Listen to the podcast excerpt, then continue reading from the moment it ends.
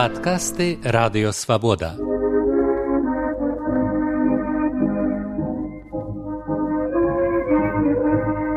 Падарожжа ў БНР з Сергеем Шупам.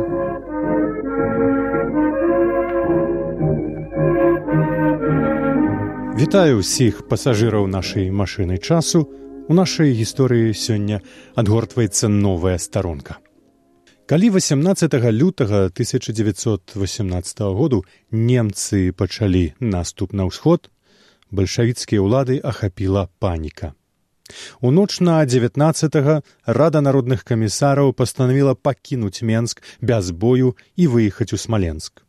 Чырвоныя ўцякалі як толькі маглі, у бязладдзі балагане пярэпалаху вазамі коньмі машынамі санямі кідаючы майно праз галовы і целы ў поўнай дэзарганізацыі і дэмаралізацыі. Тут сваю нацыянальную спеласць выявілі чыгуначнікі. Работнікі менскага дэполі бавароменскай чыгункі катэгарычна адмовіліся спрыяць бальшавіцкай эвакуацыі патрабуючы выплаты заробкаў за тры месяцы Нават штабны цягнік глаўказапа мяснікова не мог выправіцца. І гэты камісар, праседзеўшы на станцыі каля сутак, здолеў выехаць у апошні момант з санітарным цягніком. Радзімая старонка наша апынулася ў новым цяжкім становішчы, дзе цяпер уласць, што тут была немаведама. Такімі словамі пачнецца прынятая праз дзень першая ўстаўная грамата да народаў Беларусі. 21 лютага каля 10 гадзіны раніцы у горад Менск прыбылі перадавыя часткі немцаў, якія ўяўляў сабой эшалён 346 пяхотнага палка. Паміж гэтымі двума пунктамі ў часе у ноч з 18 на 19 і раніцы 21 два дні, калі беларусы мелі рэальную ўладу на сваёй зямлі. І хоць улада гэтая пашыралася толькі на маленькі лапік зямлі паўночна-заходнюю палову менску сэрцам якой быў пляц волі улада гэтая была не сімвалічная Пра што ж пісалася ў першай устаўной грамаце якую выдаў выканаўчы камітэт рады першага ўсебеларускага з'езду? Давайте пачытаем. Устаўная грамата да народаў беларусі радзімая старонка наша апынулася ў новым цяжкім палажэнні. Дзе цяпер уласць што тут была немаведама. Мы стаімо перад тым што наш край можа быць заняты нямецкім войскам.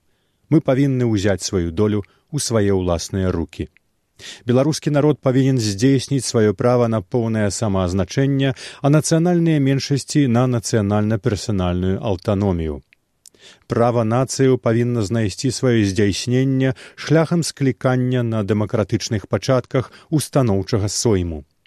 Але і да склікання сойму уся ўлада на беларусі павінна належаць тым народам якія на ёй жывуць. Выканаўчы камітэт рады першага ўсебеларускага з'езду даданы прадстаўнікамі рэвалюцыйнай дэмакратыі нацыянальных меншасцяў здзяйсняючы заданні з'езду абвяшчае сябе тымчасовую ўладаю на беларусі падходзячы да кіравання краем і да найхутчэйшага склікання ўсебеларускага ўстаноўчага сойму на аснове агульнага простага роўнага таемнага і прапарцыянальнага выбарнага права дзеля ўсяго дарослага насялення не рахуючы з нацыянальнасцю рэлігіяй і полам тымчасовую народную ўладу краю, якая паставіць сабе задання абароны і зацвярджэння здабыткаў рэвалюцыі, будзе здзяйсняць створаны намі народны сакратарыят Беларусі, які з гэтага дня пачаў выпаўняць свае абавязкі. Асабісты склад сакратарыяту будзе апублікаваны потым. Дана ў менску беларускім 21 лютага 1918 року. Выканаўчы камітэт рады першага усебеларускага з'езду. Так гучала першая ўстаўная грамата да народаў беларусі. Падкасты радыёвабода. Падарожжа ў БНР з Сергеем Шупам.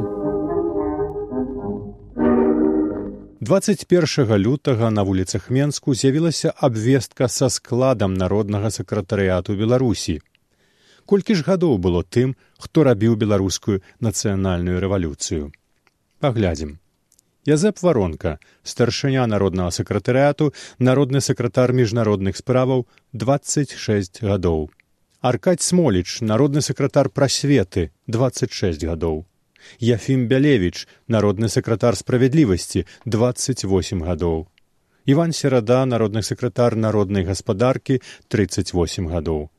Палута Бадунова, народная сакратарка апекі 32 гады. Пётра Крачеўскі, народны сакратар кантролю 38 гадоў.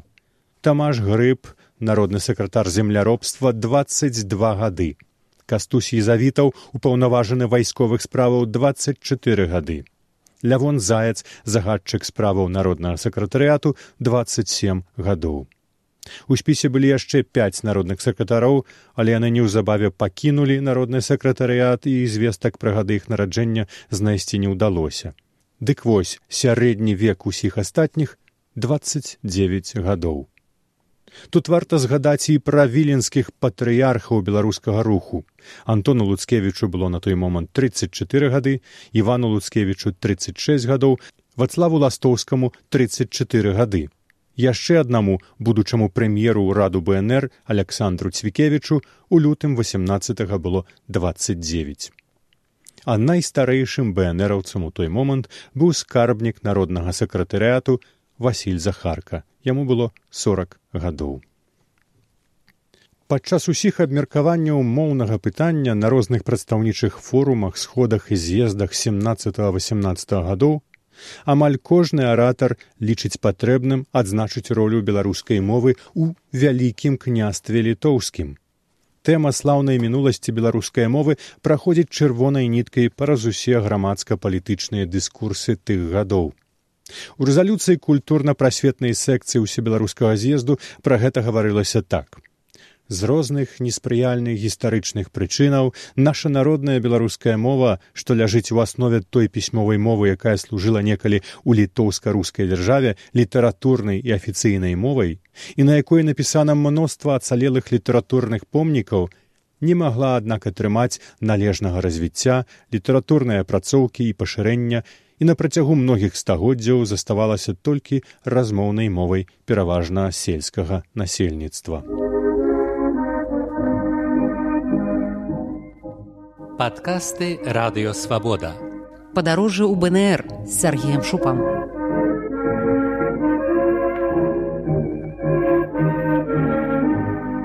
Узнікненне новай нацыянальнай улады не магло не турбаваць меншасці Беларусі а ў палітычных элітах мясцовых самаўрадах у прыватнасці ў менскай гарадской думе нацыянальнай меншасцю былі самыя беларусы айцы бнр ставіліся да пытання карэктна і асцярожна у першай устаўной грамаце дэкляравалася права меншасцяў на нацыянальна-персанальную аўтаномію.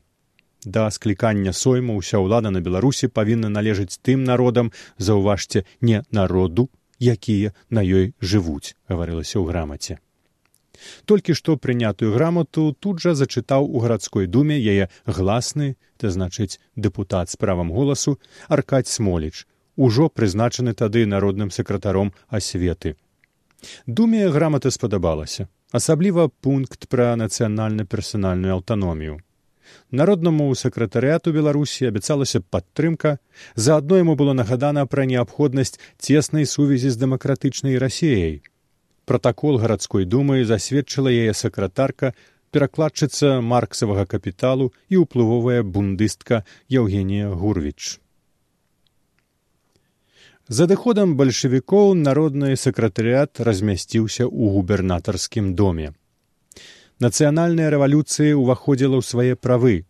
Губернатарскі дом стаяў як бы мініатураю таго што год назад у лютым семнадцать -го году выяўляў сабою таўрыцкі палац у петраградзе сюды сцягвалі розны хлам зусім у доме ўраду непатрэбны. Шакаляда шынка цукар шынялі нейкія салдацкія ў нязмерным ліку дзягі кулямёты розных сістэмаў нават два матацыклы можна было бачыць у пакоях быўшага губернатарскага дому.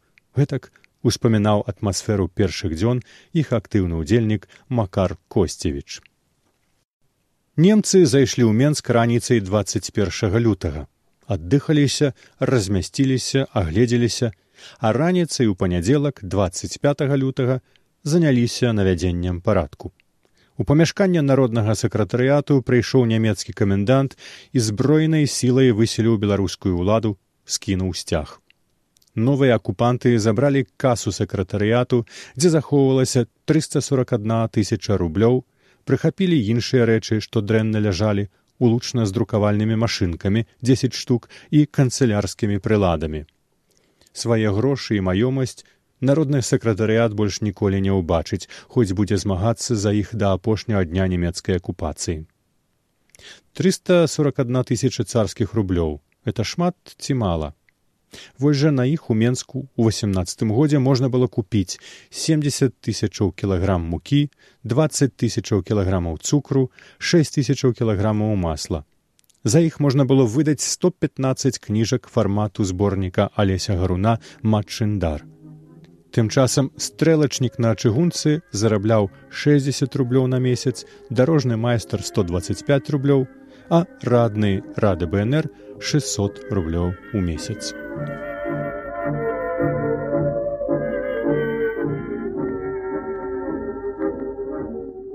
Вы слухали падкаст радыёвабода. Наступны выпуск праз тыдзень. Усе падкасты свабоды ў інтэрнэце на адрасе свабода кропка орг.